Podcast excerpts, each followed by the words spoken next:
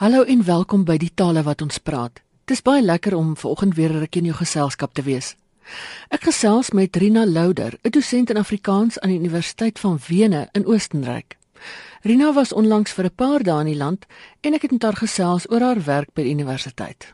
Ek is so vanaf Oktober 1998 is ek betrokke by die Nederlandse departement dit is van daardie tyd af is dit onder uh, onder die leiding van professor Herbert van Uffelen. So as jy nou tel dan is dit so ongeveer ongeveer 16 jaar wat ek nou saam met hulle werk.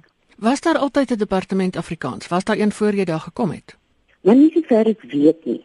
Maar wat in elk geval niks toe ek daar aangeland het nie. En al wat ek daar gekry het was 'n paar Afrikaanse resepteboeke en 'n paar ou ou ou boeke. So daar was ook nie meer veel Afrikaanse boeke nie. En uh, ek het byvoorbeeld verskeie gesukkel om allerlei inligting daar bymekaar te kry. So dit het op 'n klein skaal begin. En dit was aanvanklik eers op ehm um, so eksperimentele basis want uh ons moes eers kyk of dit werk en of daar belangstelling is. So my opdrag aanvanklik was dat ek vir die studente iets vertel van Afrikaans in Suid-Afrika. En ek kon dit aanpak soos ek wil. Ek het niemand gehad wat my voorgeskryf het met 'n bestaande leerplan of niks nie. So dit moet ek dan uitwerk. En ek het sommer dadelik begin dink ek gaan dit breër aanpak as om iets te sê oor Afrikaans in Suid-Afrika alleen. En ek het begin werk aan 'n ding sodat die studente ten minste Afrikaans kan lees en verstaan as hulle as hulle klaar is met die met die kursusse.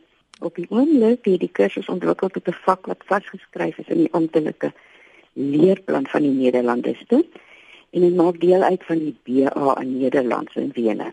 So dit is weliswaar nog 'n keusevak. Ja. Jy weet wat met kompeteer met uh, kursusse soos besigheids Nederlands en vertaling na Nederlands. Maar nou ja, kan dit nie sommer net by die deur uitvee nie. Dit moet eers deur kanale gaan, so dit is 'n soort van permanent nou daar. Maar oh, dis wonderlike nuus. Nou wat behels die kursus? Taalkunde, letterkunde, kombinasie? Dis een lesing wat ek gee per week. En hy's 1 en 'n half uur lank. En in daai tyd moet ek dan 'n groot vel dek. Maar die studente help by. Ek gee byvoorbeeld uh, 'n inleiding in die landkunde. So ek vertel hulle eers hoe lyk Suid-Afrika, wie daar bly, weet van provinsies en en die tipe van ding. En dan eh uh, die geskiedenis van Suid-Afrika en mens kan nie die letterkunde reg verstaan daarsonder nie en dan ook die kulturele verskeidenheid kry aandag aan die van die verskillende bevolkingsgroepe wat dan in die land uh, woon. Ek ehm um, ek sal byvoorbeeld vertel die waar hulle vandaan kom, hulle mees opvallende tradisies.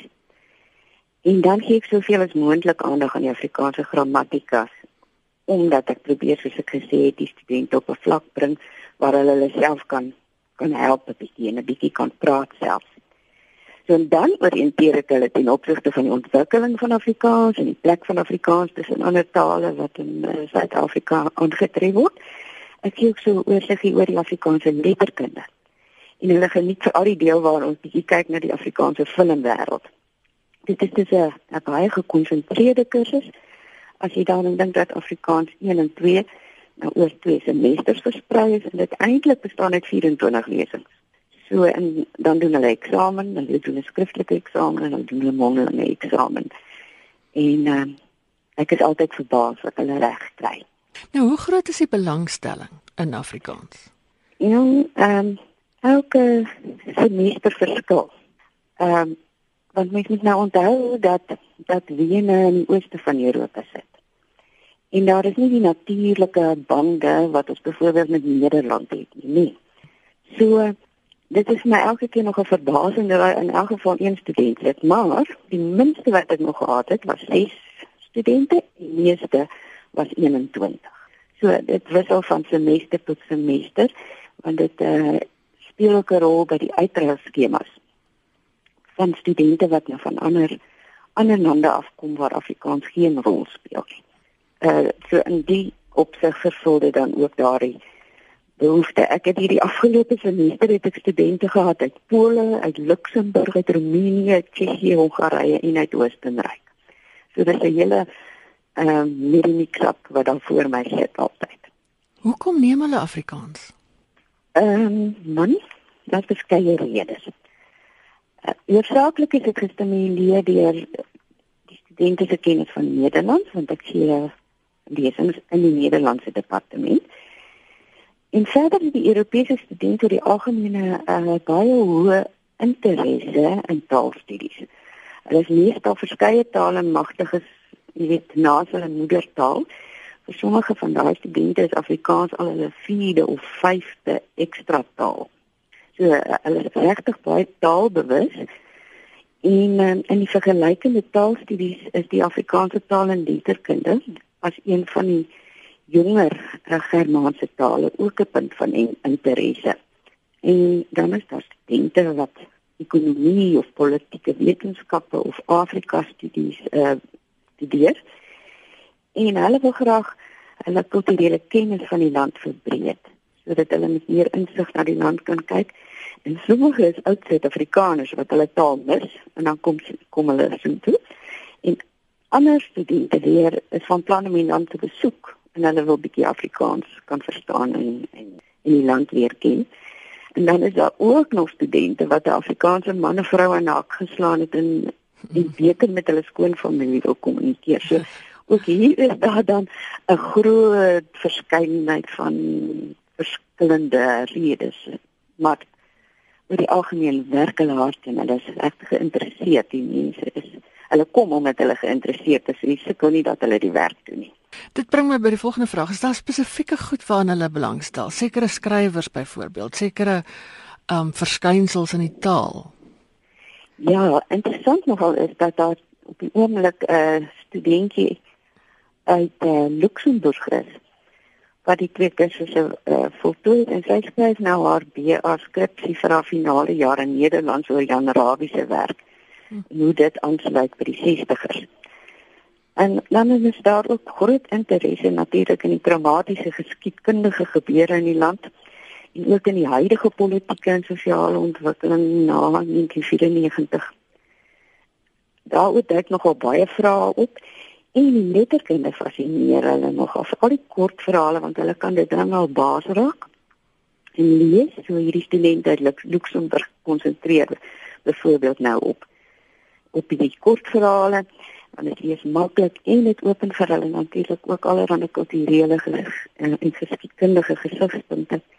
En verder natuurlik geniet hulle om analises te maak van die Afrikaanse films. Ehm um, en hulle is in staat aan die einde van die kursus om om so 'n film in Afrikaans te analiseer en in Afrikaans hulle hulle resensie aan te bied. So daar is baie ook 'n baie veld van van belangstelling wat dit interessant hou en dinamies hou dink. Nou vir jou as dosent, watter uitdagings is daar vir om Afrikaans in die buiteland aan te bied? Nou nogal heel wat. Ehm um, want in die eerste plek is alles nie so voorhande. Jy weet, so wat lewe in, in Suid-Afrika met 'n groot biblioteek en die tipe van ding nie. Dis ver weg in die, die posgeld, eh, die posgeld vir boeke is eintlik 'n nagmerrie. Ons um, het gelukkig al 'n goeie klompie boeke as geskenking van verskeie organisasies gekry waaroor ons baie dankbaar was. Ehm um, ook is daar natuurlik is dit natuurlike kuns om so 'n breë studieveld wat heeltemal verskil van hoe dit hier in Suid-Afrika natuurlik aangebied gebied word en so so beperkte um, lesingsure sinvol aan te bied. Dit bly ook 'n keusevak. Is iets wat die registrasie van die studente beperk. En dit sou baie beter wees as dit 'n verpligte deel van die BA en jy weet dan nie Nederlandse BA is wat ek dink onmoontlik is nie en ook 'n goeie ding kon wees, maar dit is nog nie so in elk geval waar ek werk nie. En as ook nie genoeg geld beskikbaar om die, om die aantal lesings in Afrikaans per week uit te brei nie sodat mense dit nog meer in diepte kan doen nie. En dan die grootste probleem seker ook om Afrikaans nog verder uit te bly is dat hierdie hierdie pos meeste poste is nie permanent nie. Dit is 'n tydelike aanstelling wat elke elke semester word jy dan weer aan aangestel. So dit is eintlik as jy vir 'n familie moet sorg en so aan nie 'n lonende soort van ding nie. En en die mens moet betrokke bly by die program eintlik of die projek eerder ter wille van die saak is as om jou bankbestuurder gelukkig te hou. So en dan 'n ander ding wat ek um, wat ek dadelik eintlik opgemerk het al hier van 2001 af is dat daar nie werklike kommunikasie is ehm um, tussen die mense wat in Europa besig is met Afrikaans nie. En dit het 'n webblad begin Afrikaans in Europa. En um, dit doen om inligting en skakeling te probeer bevorder. En gelukkig is daar ook 'n 'n maandblad in Nederland self waar Ingrid Glory die redakteur is. En dit speel ook in hierdie hierdie verband 'n uh, positiewe rol. So ek is baie, baie opgewonde oor die feit dat daar vanuit Suid-Afrika internasionale vereniging vir Afrikaans in die buiteland in die vooruitsig gestel word. En hopelik sal dit binnekort realiseer. Dit sal hierdie probleem van kommunikasie en dat jy fisies op jou eie moet werk want niemand kontroleer jou nie. Jy het 'n leerplan meestal in elk geval waar ek werk. Uh, so jy is baie op jou eie inisiatiewe oorgelaat en uh, ek dink dit sal bietjie meer kontak kom sal dit nie sleg wees nie. Maar dit was in elk geval vir my interessant om te hoor in hoeveel lande word Afrikaans as vak aangebied. So die daai vereniging waarvan jy nou net gepraat het, dink ek gaan julle almal op 'n manier saambind.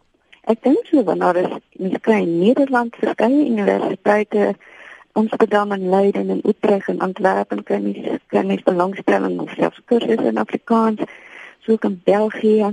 Ehm um, voorbeeld in Leven het bring nou in Februarie eere doktorsgraad gekry in Breitenberg verlede jaar by Gent. Ons in Pole en Tsjechië en Duitsland is daar ook dan se oplewing. En in Hongarye het ek byvoorbeeld in Budapest uh, so 'n paar jaar gelede so 'n kursus in Afrikaans aangebied. En dan ook daar by die Universiteit van die uh, die Pekin belangstelling in Afrikaans. En so interessant is ook miskien dat uh, 'n student van my uh, wat uit Oosbekistan gekom het. Vir hele langerik in Moskou Afrikaans gegee. Maar daar het die kursus ook uitgeval as gevolg van finansiële finansiële redes. Dit was Rina Louder, 'n dosent in Afrikaans aan die Universiteit van Wene in Oostenryk. Ek het ook onlangs met professor Wannie Karstens van die Noordwes Universiteit se Potchefstroom kampus gepraat oor 'n proses om Afrikaanse bronne te digitaliseer. Ja, nou, dit is 'n lang storie agter 'n klein korterige vraag, maar ek gaan vir jou dit gou vertel. Uiteindelik kyk ons baie keer rakende Afrikaans na wat ander tale doen. Van selfsprekend kyk ons altyd na na Nederlands. Nou Nederlands het daar jare gelede al begin met 'n ding wat hulle noem die bibliografie van die Nederlandse taal. En en ons ouer mense het het het het, het nie soos vandag 'n knoppie op rekenaar gaan druk en gaan Google nie. Ons moet gaan sit in 'n biblioteek en hierdie dik bronne oopslaan en dan moet jy die kategorie soek waarin jy iets belangstel en dan moet jy die artikel gaan soek. Nou dit was in die verlede. Ons het in Afrikaans al baie meer beweeg in die rigting van die tegnologiese era. Nou hier in die vroeë 90er jare was ek op besoek in Nederland en toe uh, professor Piet Paardekoper wat so 2 jaar oorlede is, my gevra of ons nie wil begin om Afrikaanse taalkunde te digitaliseer nie of eintlik te Afrikaans te digitaliseer. Nou daardie stadium was vir myself ook bietjie vreemd. Onthou, dit is nou 23 jaar gelede en ek het nie geweet wat 'n rekenaar alles kan doen nie. En toe het ek met hom ooreengekom en gesê maar onthou ek is taalkundige, ek kan regtig nie aanspraak maak op enige iets nie letterkunde nie. En ek het toe hierdie hierdie gedagte teruggebring na mense in Suid-Afrika en toe gevind daar is nogal 'n ontvanklikheid. En ek en professor Dorothea van Sail wat vroeër by Universiteit van Stellenbosch was, ons het hierdie projek aangepak. En uh, ons het hom met gesprekke by mense by die destydste uh, bibliografie van die Nederlandse taal en letterkunde begin praat. En ons het gekyk watter stelsel het hulle. Nou hulle het 'n baie verouderde stelsel gehad, maar soos die tegnologie verbeter het, het hulle totaal verbeter. Nou deesdae het hulle ding wat hulle noem die DBNL, die digitale bibliografie van die Nederlandse letterkunde wat eintlik maar 'n totale digitalisering is van alles wat in Nederlands geskryf is. Nou miskien moet ek maar net sê digitalisering beteken dat jy 'n kopie maak van 'n oorspronklike teks en dat jy dit beskikbaar stel via die rekenaar aan mense. Nou, ons het nie baie geld gehad nie. Ek het so klein bietjie geld gekry en daarmee kon ek uiteindelik 'n proses in die gang sit deur iemand hier op ons kampus uh aan te stel om die werk te doen. so verstaan ek dit reg. Met ander woorde, elke handboek wat nog ooit oor die taalkunde geskryf is in Afrikaans kan mens nou die volledige handboek op die rekenaar kry. Ons hoop dit is nie toekoms moontlik nie. Dit is tans nog nie moontlik nie want ons word redelik aan bande gelê natuurlik deur kopieregbepalinge, maar daar is dan kopiereg laat ons toe om ouer bronne te doen. En deesdae is daar natuurlik baie bronne oor die uh, uh, uh, M's en D's, die verhandelinge in die proefskrifte en artikels ensovoorts beskikbaar. Ons het nou stelselmatig met 'n proses begin om dan van die ouer boeke te digitaliseer. Maar onthou nou net as jy as jy dit digitaliseer, beteken dit jy moet dit eers orden. En jy weet vir soveel lange jare was dit my Sondag aand stokperdjie. Dan het ek 'n klomp artikels gekry en dan moet ek besluit ek sê dit is 'n dit is 'n bydrae aan die sintaksis, dit is 'n bydrae aan morfologie en dan sê man pik en so het ons oor die jare die kategorieë uitgebrei. En wie Ina ons het oor die jare dit reg gekry om nou al amper 16 en 'n half duisend bronne te digitaliseer waarvan meer as 9000 jy letterlik met die knoppie kan kry. Die ander is verwysings na ouer bronne wat jy wel by 'n bepaalde biblioteek moet kry. Maar ons het soos ek sê ons is op pad na 10000 bronne wat beskikbaar is. En ouer bronne soos van Willis se ons geselfstaal die patriot woordeboek al daardie ouer bronne sal jy reeds kry en ons hoop stelselmatig sal ons dit nog kan uitbrei. Maar die wonderlikste is ons werk nou saam met die mense van die DBNL. Ek was nou verlede jaar in November weer in Nederland en weer 'n gesprek gehad. En ons deel bronne, ons deel ons deel geld.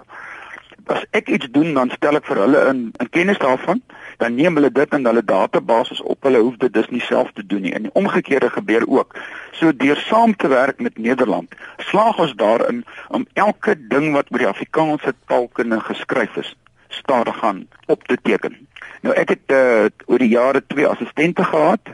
My huidige assistent is mevrou Karla Ubbink en ek en sy sien mekaar elke week vir 'n halfuur en dan uh, besluit ons wat verder gedoen kan word.